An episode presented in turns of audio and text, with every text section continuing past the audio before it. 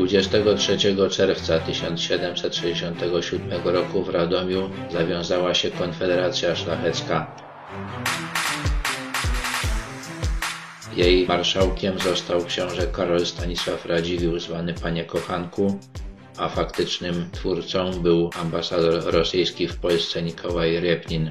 Konfederacja Radomska skupiła szlachtę, która uważała, że postanowienia Sejmu z roku 1764 zmieniające przepisy odnośnie poboru ceł i podatków są zagrożeniem dla jej wolności. Szlachta ta chciała też bronić polskiego katolicyzmu przed działaniami polskich innowierców. W tym czasie bowiem zarówno szlachta protestancka, jak i prawosławna utworzyły swoje konfederacje i dążąc do uzyskania takich samych praw jak katolicy, wezwały na pomoc wojska rosyjskie i uzyskały ich wsparcie. Również Konfederacja Radomska wezwała na pomoc Rosję i uzyskała wsparcie wojsk rosyjskich.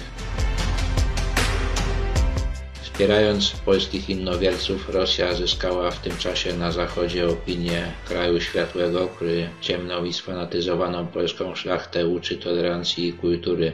Wspierając Konfederację Radomską, udaremniła reformę skarbową, która mogła umożliwić utworzenie silnej polskiej armii. Dodatkowo ambasador Repnin zmusił konfederatów radomskich do podpisania prośby skierowanej do carycy Katarzyny, aby stała się gwarantem praw i wolności szlacheckich.